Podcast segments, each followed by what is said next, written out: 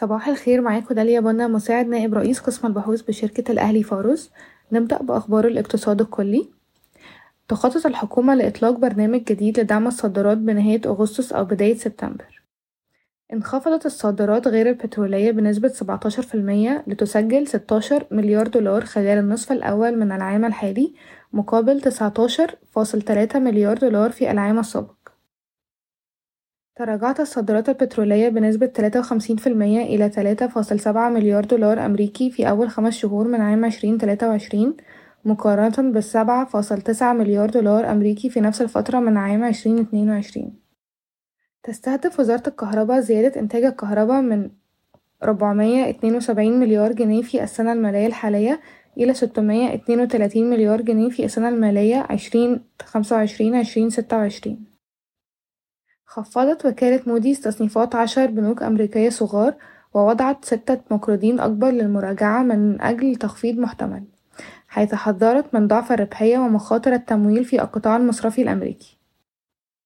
أما بالنسبة لأخبار الشركات فقد أصدرت جوهينا نتائجها للربع الثاني من عام عشرين تلاتة وعشرين سجل صافي الربح ميتين وتمنتاشر مليون جنيه مصري زيادة بقدر أربعة وعشرين فاصل سبعة في المية على أساس سنوي وانخفاض بنسبة خمسة وتلاتين فاصل تسعة في المية على أساس ربع سنوي.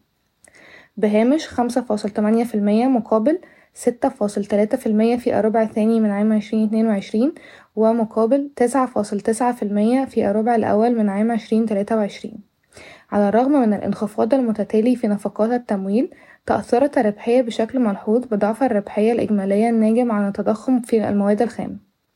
وسجلت الإيرادات تلاتة فاصل سبعة مليار جنيه مصري وهي زيادة بقدر خمسة وتلاتين فاصل واحد في المية على أساس سنوي وتسعة في المية على أساس ربع سنوي.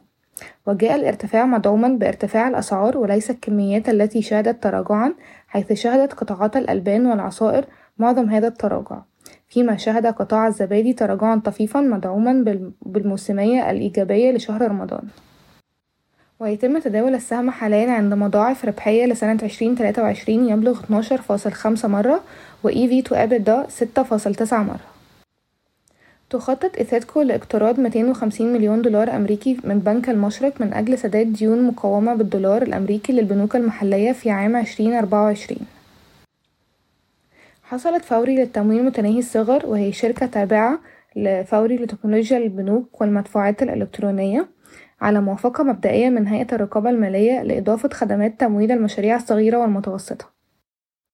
ستنتهي Egytrans من استحواذها على تسعة وتسعين فاصل تسعة في المية من NOSCO من خلال مبادلة الأسهم في الربع الرابع من عام عشرين تلاتة وعشرين سيؤدي الاستحواذ إلى امتلاك مساهمي Egytrans حصة, حصة أغلبية تبلغ سبعين فاصل اتنين في المية في الكيان المندمج والذي سيعرف الآن باسم Egytrans NOSCO.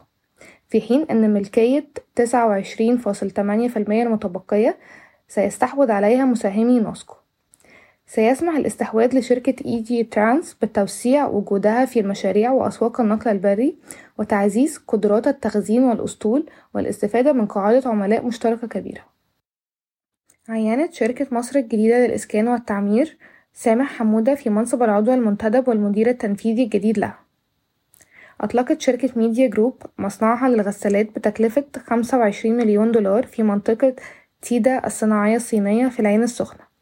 تتوقع الشركة إنتاج 1.5 مليون غسالة كل عام في المصنع للتصدير إلى الشرق الأوسط وأفريقيا والاتحاد الأوروبي والولايات المتحدة.